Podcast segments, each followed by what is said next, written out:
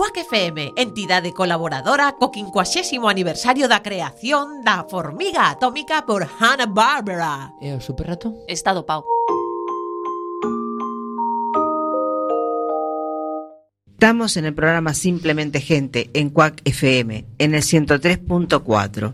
Y nos puedes encontrar en Facebook en Simplemente Gente en Cuac FM.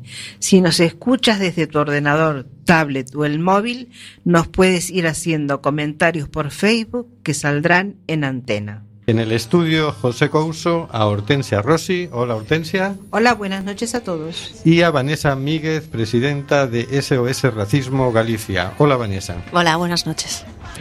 El pasado miércoles 28 de diciembre tuvimos eh, la suerte de poder estar en una conferencia que dio el juez Ramiro García de Dios Ferreiro en el Centro Cívico Ciudad de Bella organizado por el Foro Galego de Inmigración y eh, Coruña contra Guerra. El juez Ramiro García de Dios es uno de los tres jueces de control del Centro de Internamiento de Extranjeros de Aluche. Mm, Al terminar la conferencia pudimos hacerle una breve entrevista que vamos a escuchar ahora. García de Dios Ferreiro, juez del juzgado número 6 de Madrid eh, juez de control del CIE de la Luche, Premio Nacional de Derechos Humanos. Buenas noches. Muy buenas noches. Si yo soy una persona que estoy retenida en un CIE y eh, sufro algún tipo de abuso, de trato humillante, degradante, incluso agresión física, ¿qué posibilidades tengo de denunciar ese trato? Las posibilidades de denunciar son totales. Es decir, el juez de control recibe la denuncia bien directamente de la persona ofendida, de la víctima, o bien a través de una ONG. Automáticamente el juez de control escucha a esa persona y si hay testigos de lo que relata, se llama también inmediatamente a los testigos. Pero el juez de control lo que ha actuado a prevención lo tiene que mandar a reparto porque al ser una causa penal y no ya de funciones de juez de control, queda fuera de la competencia instructora, por así decirlo. ¿Qué tipo de denuncias o quejas suelen llegar a su juzgado de control? Mm, Varía según las épocas. Es decir, y al decir según las épocas, me refiero al año 2010, 2011, donde hubo muchas denuncias de malos tratos verbales, de tipo humillante, vejatorio, y de no pocos maltrato físico. De no, Por parte de por, par- no, por parte de policías etcétera. Ahora bien, ceñido casi siempre, bueno, más generalizado, perdón, en el maltrato verbal, más generalizado, y ceñido ya a casos muy puntuales de agentes concretos. Recuerdo uno que distintos internos latinoamericanos sabían que era canario y lo identificaban por el canario, decían cómo era, etcétera, porque también había problemas con ese hombre de que no llevaba la plaquilla. Eso se ha conseguido yo últimamente, salvo el problema de las protestas que hubo recientemente, yo no he tenido ya de malos tratos físicos, no he tenido. Sí he tenido, pero ya también eh, ha bajado el, número de denuncias o quejas por maltrato verbal. Eso sí. O sea, ahora actualmente, si yo tuviera que decir año 2016, físicas ninguna. Digo que me haya llegado a mí, porque somos tres jueces de control. A mí ninguna de maltrato físico. Y verbales, de tipo vejatorio, yo no pasaría de 4 o 5. No pasaría de 4 o 5. Pero a mí, ¿eh? me refiero. Es decir, claro, Sí, dicho. no, y yo, que es que somos tres. Por eso yo, claro, hombre, sé que algunas ha habido, porque mi compañera, la del juez, la jueza del 19, ha llevado, cuando a raíz de las protestas y de antes de las protestas, pues temas de gente lesionada. ¿Qué impedimentos suele haber en una investigación de este tipo? El impedimento, la mayoría de las veces, es el mismo. O son expulsados las víctimas, o son expulsados los testigos, o si no son expulsados los testigos, resulta que los ponen en libertad, pero ya no los localizas, porque claro, lo tienes que localizar esa persona. A lo mejor el testigo pues era una persona que un juez de Palma de Mallorca había acordado el internamiento y de Palma de Mallorca lo habían metido en Madrid. O un juez de A Coruña lo habían metido en Madrid y lo dejaban en libertad y se volvía a Coruña. Y claro, ahí para localizar a esa persona, pues es, o sea, esos son, la mayoría de los impedimentos son eso. Hay también un impedimento de tipo ya institucional, que es que el sistema, el subsistema, el subsistema policial es muy corporativo, muy corporativo, un cierre en banda muy corporativo. Y después, el sistema institucional del Ministerio Fiscal que en principio es quien debería mantener las acusaciones y esmerarse en la persecución de todo tipo de delitos, pues hay algún tipo de delitos cometidos por, entre comillas, miembros de las fuerzas y cuerpos de seguridad del Estado que no muestran el celo por entenderlo rápido. Cuando una persona es puesta en libertad de un CIE, por ejemplo, alguien de Coruña que esté detenido aquí y, lo llevan, cuando lo ponen en libertad, lo traen aquí, no. Ahí está. en la calle en Madrid. En principio lo dejan en principio lo dejan en la calle.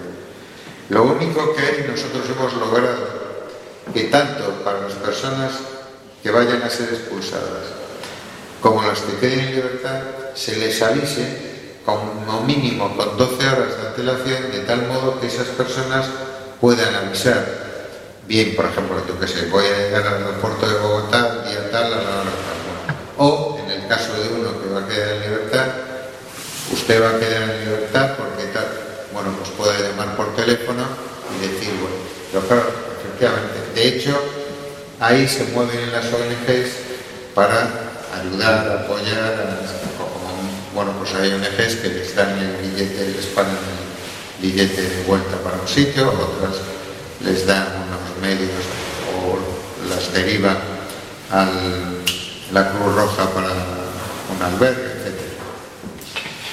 De los, los casos que suele recibir, ¿cuántos llegan, qué porcentaje llegan a, buen término? Es decir, de que se puede terminar la investigación, se puede realizar el juicio porque hay testigos y...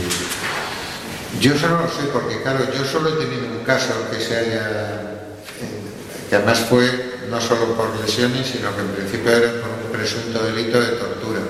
Y ese sí pasó el filtro mío, pero ese me tocó a mí por reparto.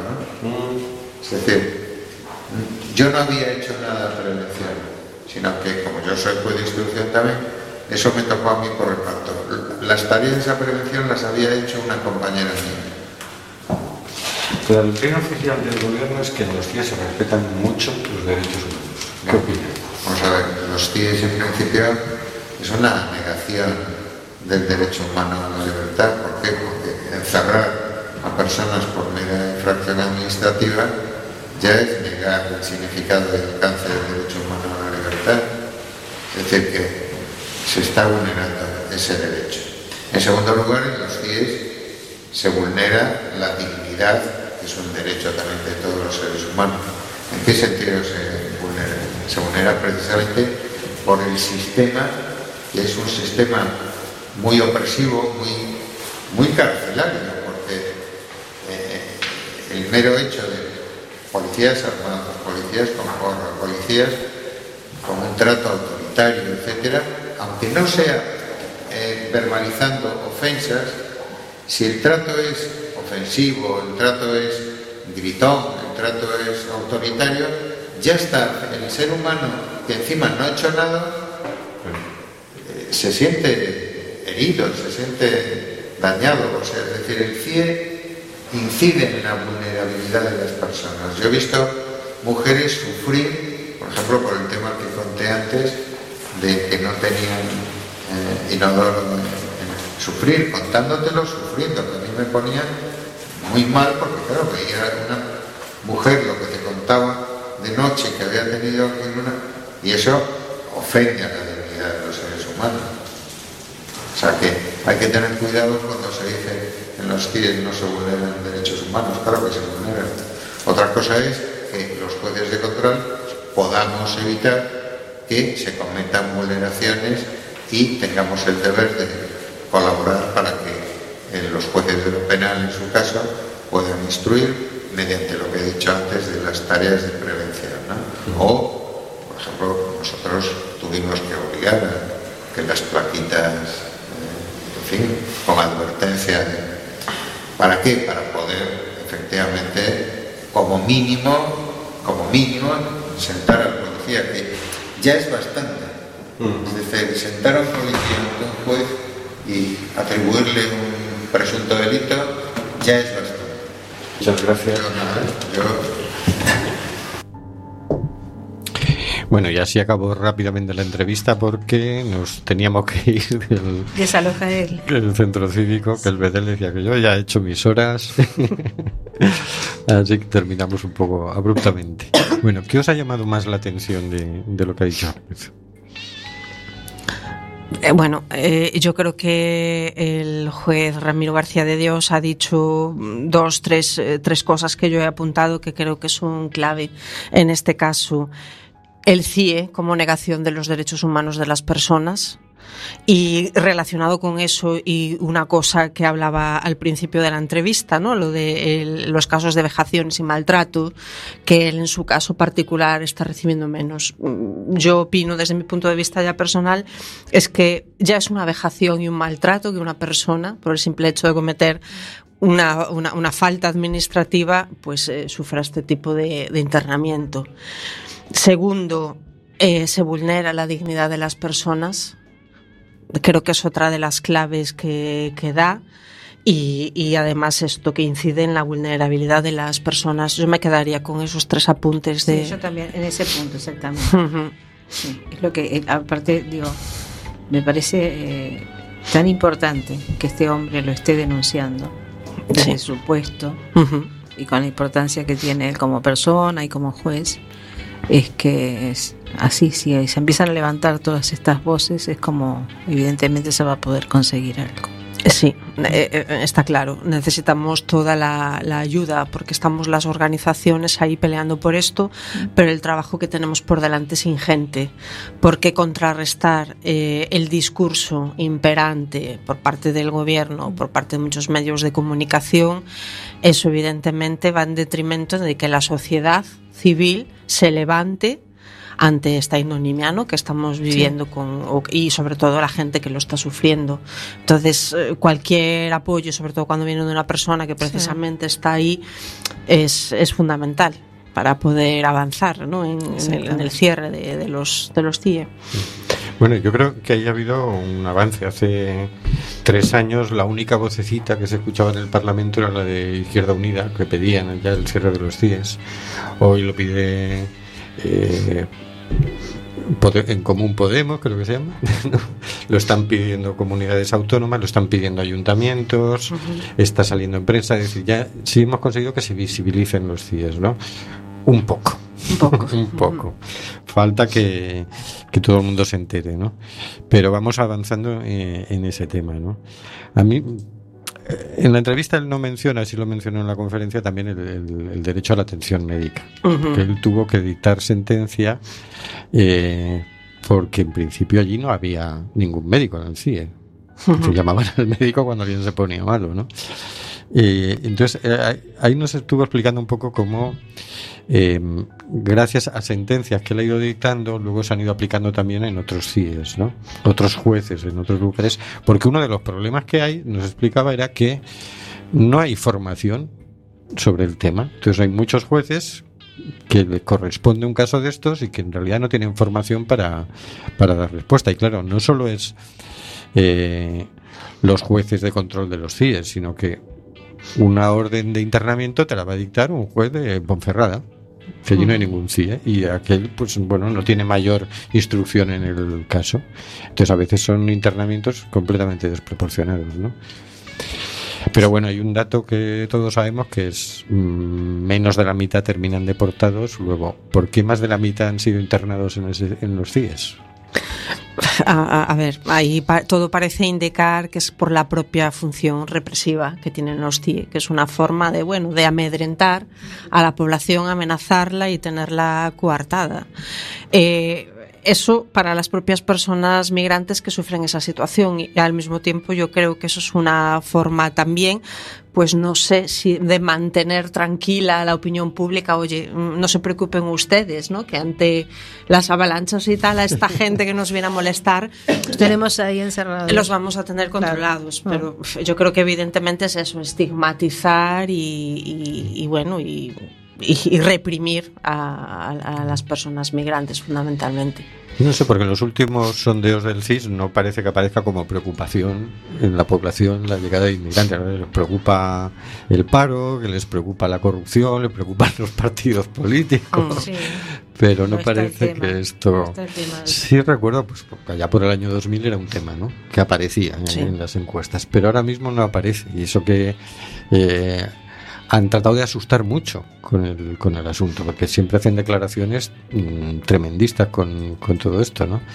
A mí me llama la atención que el nuevo ministro de Interior que tenemos, que todavía está en periodo de gracia, le dejamos 100 días, pero nosotros vamos tomando nota de las cosas que dice, ¿no? Porque, claro, la primera vez que salió al Parlamento le preguntaron por los CIES y dijo, no, pero sepan ustedes que en los CIES se respetan mucho los derechos humanos. Sí. como, como decir, se puede respetar mucho, bastante, poco, eh, mucho. En los CIES, mucho. Claro, se notaba que no sabía de lo que estaba hablando, ¿no? Y dices, bueno, bien, se lo dejamos. Yo tomo nota también de que todavía han pasado ya más de un mes, ¿no? Y digo, no parece que tenga prisa en quitar las concertinas de las vallas. Siquiera que dices, oye, digo yo que vayamos a cambiar la política migratoria de la Unión Europea porque ha llegado el señor Zoido al gobierno, pero oye, las concertinas, ¿no? Sí, sí, bueno, pero a ver, si toma el relevo de este otro señor, el anterior ministro, que decía que las concertinas no hacían daño alguno, heridas Superficiales. Otro, sí, sí, Entonces, bueno, siguen la misma línea, el mismo, el mismo discurso. Bueno, le dejamos todavía el periodo de gracia, de gracia. ya iremos a por él. Otra cosa que decía el juez, él, él, iba contándonos un poco en la conferencia cómo había ido cambiando cosas a través de sentencias y tal, ¿no? Primero explicaba el mecanismo, ¿no? Es decir, que gracias a que la eh, ONGs entrasteis en, en el CI y empezasteis a conseguir contacto y a poder denunciar la situación, se él decía que eso era básico, que era elemental, que, que había que no lo decía con estas palabras, que dar un aplauso a las ONGs porque sí. si no fuera por ellas. Lo menciona no. muchas veces, sí. Y, y decía, por ejemplo, el tema de eh, el CIE de Aluche, no había eh, cuarto de baño en las celdas. Entonces cerraban la puerta por la noche y si tenías necesidad por la noche tenías que despertar a todos los de la celda porque si gritabas para que viniera el policía a abrirte la puerta obviamente despertaba a todos los compañeros ¿no? entonces lo que hacía la gente era usar unas bolsas uh -huh. para ir y él contaba lo mal que se sentía él cuando una señora le, en el juzgado le explicaba eso ¿no? tremendo que decía cuando hay denuncia o bien puedo ir yo al CIE o bien venir la persona uh -huh. al juzgado, ¿no? Y decía, normalmente prefieren venir al juzgado. Y, y decía, claro, una señora me contaba esto y, él no sabía dónde meterse, ¿no? Yeah. Y dices, claro. Es, es terrible. Entonces, por sentencia, hace que se tengan que poner cuartos de baño en las celdas, ¿no? Y claro, gracias a ese trabajo de hormiguita, de ir a visitar, de ir averiguando, de ir sabiendo y de ir presentando denuncias, quejas, etcétera, van un poco eh, humanizando, por así llamar, la monstruosidad que es un CIE, ¿no? Es que es inconcebible que, que, que hayan tenido que llegar denuncias para que se, se instalen ¿no? los aseos. Pero bueno, ya partiendo del, del, dato básico, ¿no? De que cuando llegas a un CIE, cuando te internan en un CIE, ya te despojan de tu identidad, de tu nombre y te asignan un número, ¿no? Lo que recuerda prácticas, eh, en fin. Campo de concentración. Entonces ya partiendo de eso y que te, despojan de tus pertenencias, no sé, esto para yo no me lo puedo imaginar, pero bueno, eh, quieres eh, pensar, o sea, yo, yo me pongo, me, empatizo con la gente que tiene que sufrir estas situaciones y que tiene que ser un verdadero shock. Y tienes que ser muy fuerte psicológicamente para hundirte eh, en la primera de cambio, ¿no? Que te sucede esto. Y sobre todo, no sé, cuando has tenido una, una vida perfectamente eh, estás in, incluida en la sociedad y de repente, bueno, pues por una irregularidad sobrevenida, ¿no? que tiene que ser ya todavía más, más tremendo, que te encuentres de repente internada en un sitio de estos. Tremendo. Tremendo. Y además, yo, a mí me recordaba yo recuerdo mujeres peruanas con las que tuve contacto, ¿no? Que una de las cosas que me comentaban es al llegar a España, sobre todo las que trabajan en servicio doméstico y tal, el, el primer shock que reciben es en España les decimos las cosas a gritos. esa ventana ha quedado sucia. Y, y, allí no se hablan así. Yo he estado en Perú y la gente es mucho más suave, mucho sí. más educada, mucho más... Con mucho más protocolos. Yo Exacto. también he tenido la suerte de estar en Perú y, y puedo dar fe. Y sí. es otra cosa, que es cuando llegan aquí y que les hablen así, parece que es que les resulta gravísimo, muy duro, es como no entienden, se sienten muy rechazadas, ¿no? Mm. Imagínate si a una persona de estas encima la metes en un centro de internamiento. Te rompes los esquemas. Donde con quien hablas con el policía y el policía suave, educado y tal, no parece. No. Recientemente, fíjate, este juez tuvo una denuncia de la policía. Es decir, la policía le denunció a él porque, claro, a raíz de, de las protestas que hubo en el centro de internamiento de Baluche, se instalaron allí los antidisturbios. Y se organizó una visita de jueces al centro de internamiento y cuando él se los encontró allí, empezó a chillarles, ¿ustedes qué hacen aquí? Ustedes aquí no deberían de estar. Porque claro, él es consciente de lo mal que lo pasa a la gente cuando por estar custodiada por policías. Imagínate por antidisturbios, que es que ya la sola imagen de antidisturbios ahí les, parece que antes o después te van a pegar. Sí, sí, claro. ¿No? Entonces él eh, les, les riñó a, a, los policías. Bueno, pues entonces ellos lo denunciaron. han puesto una denuncia, ¿no? Es tremendo. Ese tema que él menciona ahí del corporativismo policial, a mí me parece de escándalo. Sí, a, a ver, eh, si no han cambiado las cosas, la gestión de los CIE es eh, totalmente policial. Policial, sí, ¿no? sí, Sí, sí, sí. sí. Pues entonces eso ya es para, vamos, Es mm, totalmente policial. sí. meterte el miedo en el cuerpo ya desde el primer En instante. primer instante. Y encima para ellos, por, lo, por testimonio que hemos escuchado aquí, para los policías es como una especie de castigo, que te destinen a vigilar el- en el CIE. Es como Sí, esto sí. que en las series americanas te dicen, pues te vas a dedicar a controlar el tráfico. Pero, joder, Vaya degradación, ¿no? Pues parece que es una cosa así, una especie de castigo estar en el CIE, con lo cual no están de muy, muy buen humor, ¿no? Pero bueno, el tema es cuando resulta que un policía se excede y un internado pone una denuncia, antes de que sea la vista, todos los testigos han salido del CIE. Casualidad, ¿no? Qué, curioso. A mí eso me parece de escándalo, porque dices, oye, por lo menos deja que se haga justicia. O sea, si es tan valiente de insultar o de pegar, pues ahora sé valiente y, y a ver qué es lo que te corresponde por eso, ¿no? Porque es que dices, oye, tan miserable, tan cobarde y tan, tan repugnante. Y encima le, le pagamos. Ya. Y es como, y claro, ¿por dónde atajas? Porque cada vez que vas a pillar a uno, desaparecen los testigos, ¿no?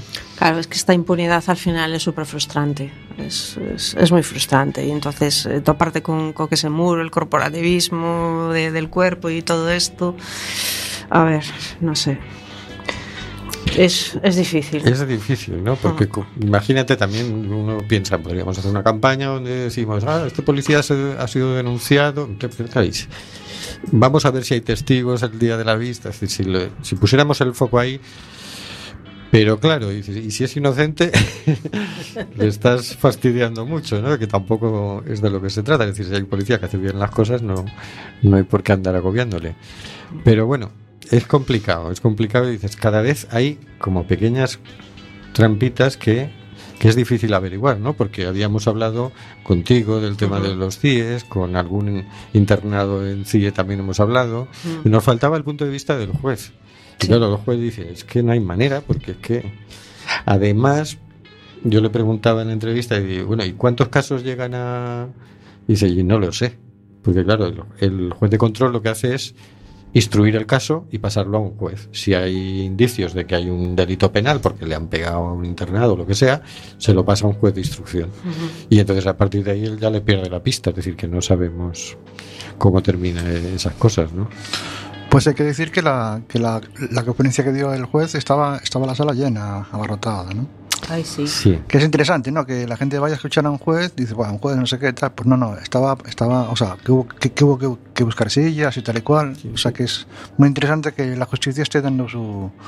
Bueno, personas que, que trabajan con la justicia puedan dar su aporte, ¿no? Sí, sí. A mí esas cosas me animan, ¿no? Porque dices, bueno, al final todo este trabajo que hacemos parece que algo se va notando, ¿no? Es decir, había alguna persona sentada en el suelo y todo. Sí, y sí, dices, sí, oye, sí. no es un tema que lo hayamos podido publicitar mucho, la prensa no se hizo eco, no, no publicó el comunicado de que ese día iba a haber una charla, no, la prensa de Coruña lo, lo ocultó.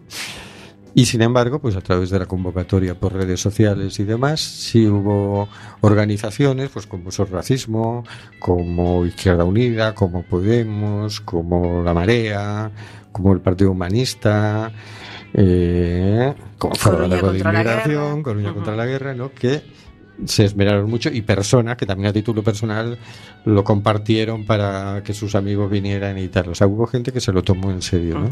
Pues hombre, eso es esperanzador, ¿no? Que estos temas cada día despierten más interés eh, dentro de la opinión pública y bueno, de las personas asistentes.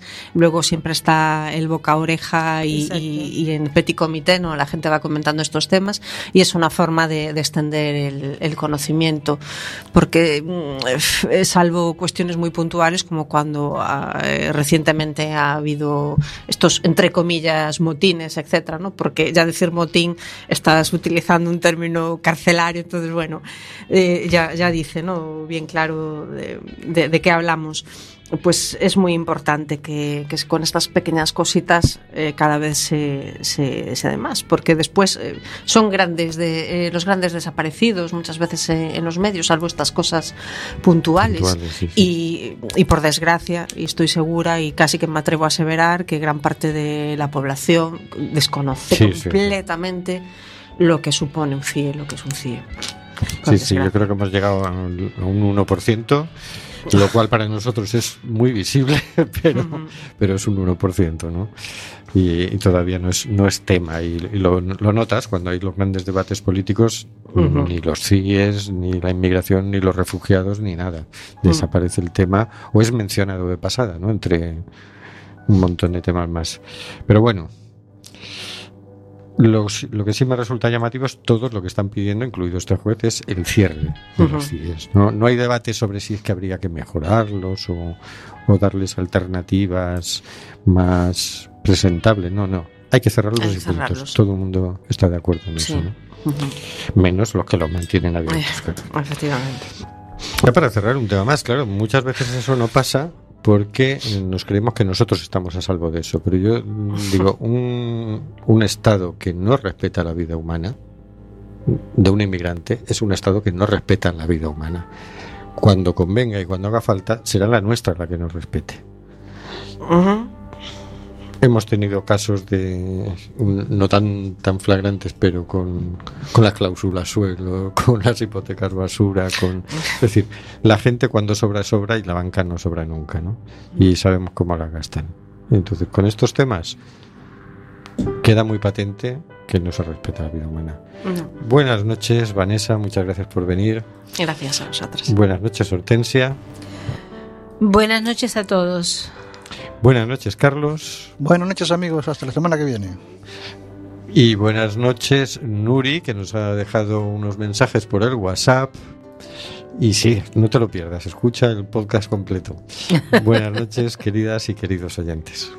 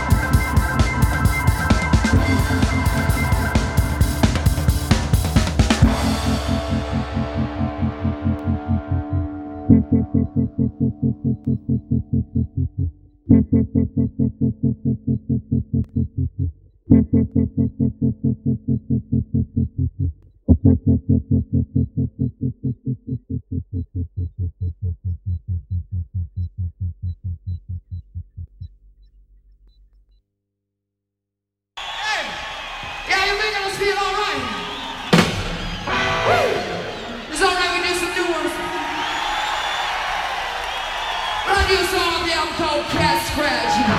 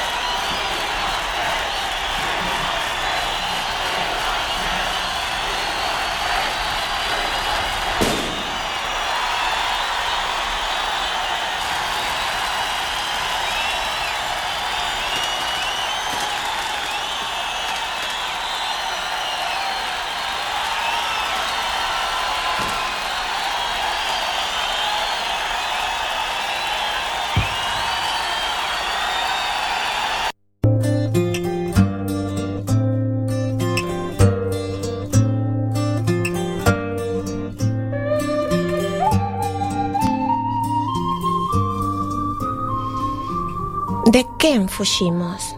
Quizabes, dime, a cinza. Non rexeita a garrida a mocedade e o sangue. En abril a maio non hai cinza, dice. Fiquemos, amigo, sobre as azas de abril. Que fuxan o río, a rosa colorada, beba de que ao final a chama, a estela, o titaque o reloj. Procuren un lonxe ou un ningures os camiños onde morrer. A par que fuxe, leve o río o cadáver de Ofelia e as margaridas de Ribeira. Pro nós, amor, temos os cans fideis das verbas. Decimos cinza e é po agora mesmo que foi chama. Ofelia, dis, e unha sonrisa alerta a túa memoria e os ollos teus, rula, nena, e soave terciopelo. Temos a verba, amor, para decir abril. Sob as súas azas florecerán os días. Abril, o aer arousa unha cidade nas ponlas das viudeiras de abril. O noso fogare. Viviremos, amor, descindo a verba, queimándoa, feríndoa, labrándoa, tan doce e temerosamente que la coide palabra. Abril. Que por nós vive, vivímola e soio edita. Abril.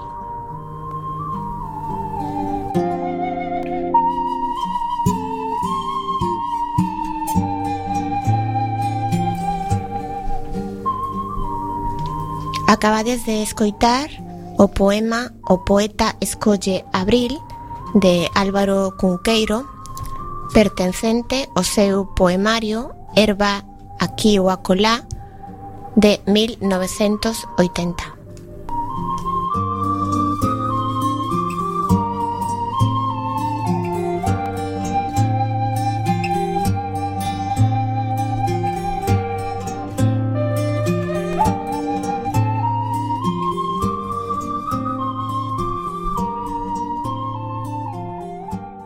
Escoitas Cuac FM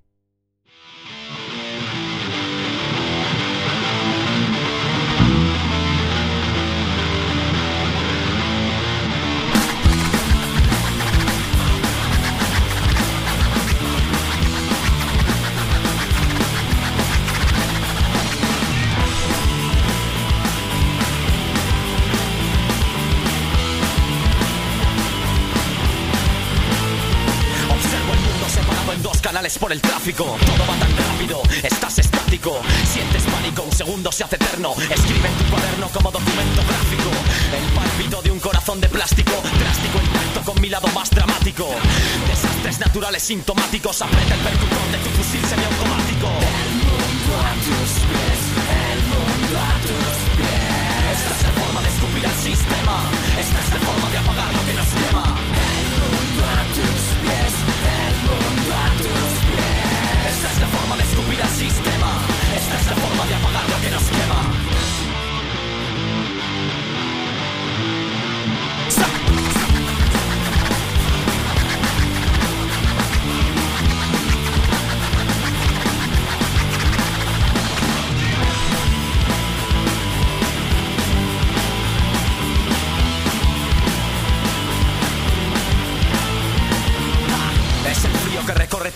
Usamos música y carisma como forma de placer, forma de crecer interiormente y detente, dejando en el pasado tu presente. ¿Qué más da lo que puedan pensar? Somos escoria corrompida por esta sociedad. Tú solo grita y lucha por ti. Este sistema te controla y no te deja vivir. El mundo a tus pies, el mundo a tus pies. Esta es la forma de escupir al sistema. Esta es la forma de apagar lo que nos quema. El mundo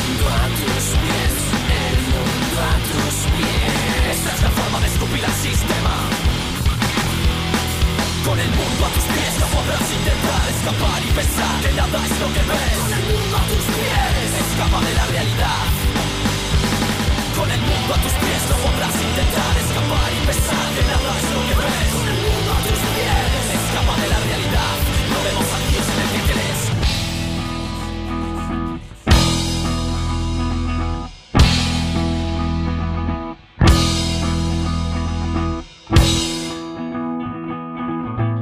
los presos de la monotonía.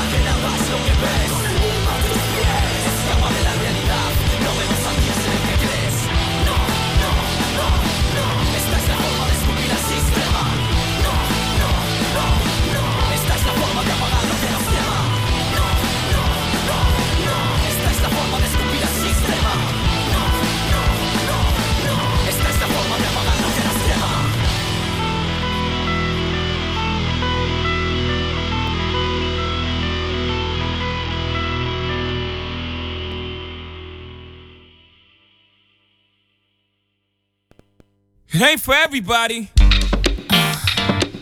Welcome to Hollywood, baby. Picture. Uh-huh. With. It's not even talking.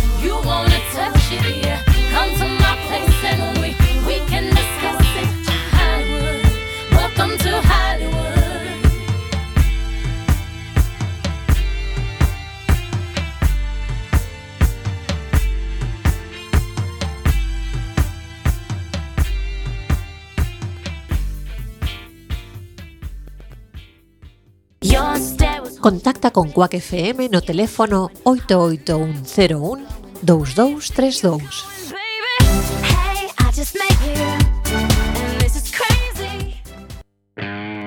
Co vosso permiso vou entrar aínda que non este invitado Porque isto non é de nadie, pero vexo que é de todos Eu vou cantar o meu modo agora que estou preparado Non sei se esta canción vai ser mala ou se vos vai ajustar. Eso a min tanto me dá, canto que me dá a gana. Eu canto a miña xente, e canto o que a min me peta. Eu non canto a ricos nin graciosos, eu non traiciono os nosos por aplausos nin pesetas.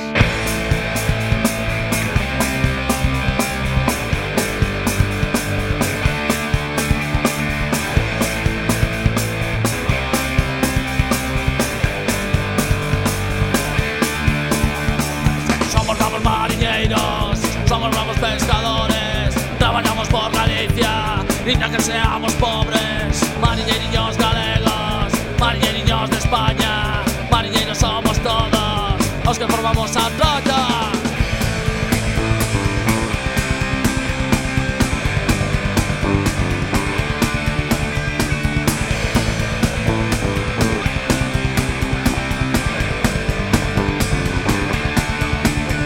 Se reconoce no estranxeiro Galicia ten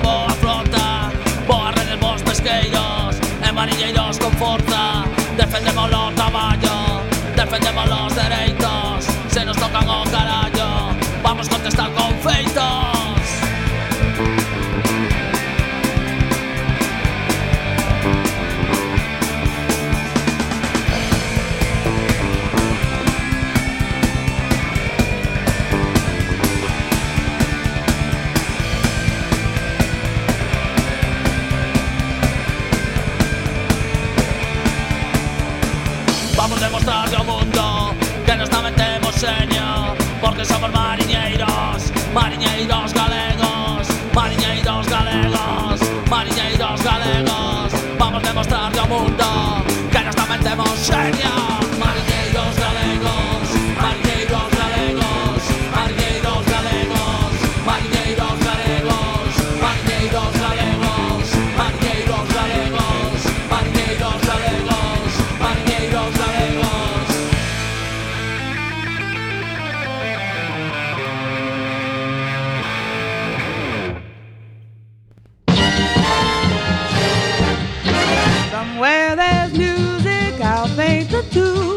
Somewhere there's heaven, how high the moon.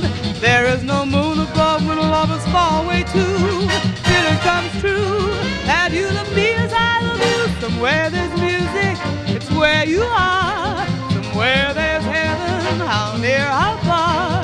The darkest night would shine if you would come to me soon. Until you will,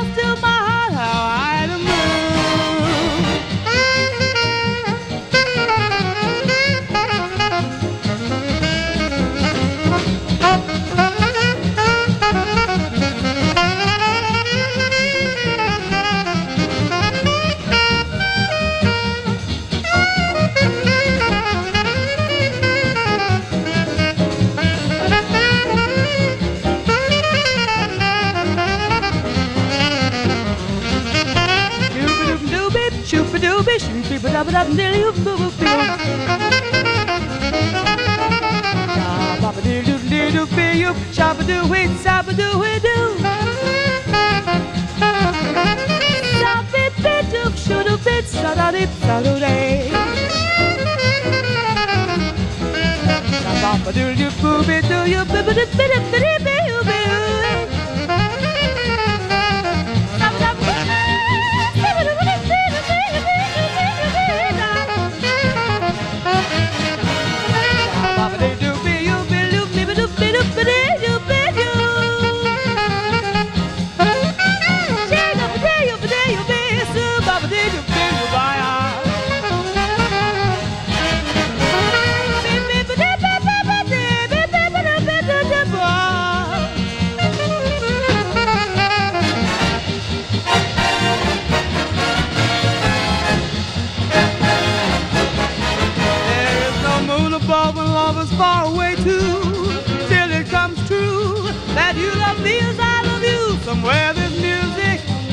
you are. Somewhere there's heaven, how near, how far. The darkest night would shine if you would come to me soon. Until you will, I'll still my heart.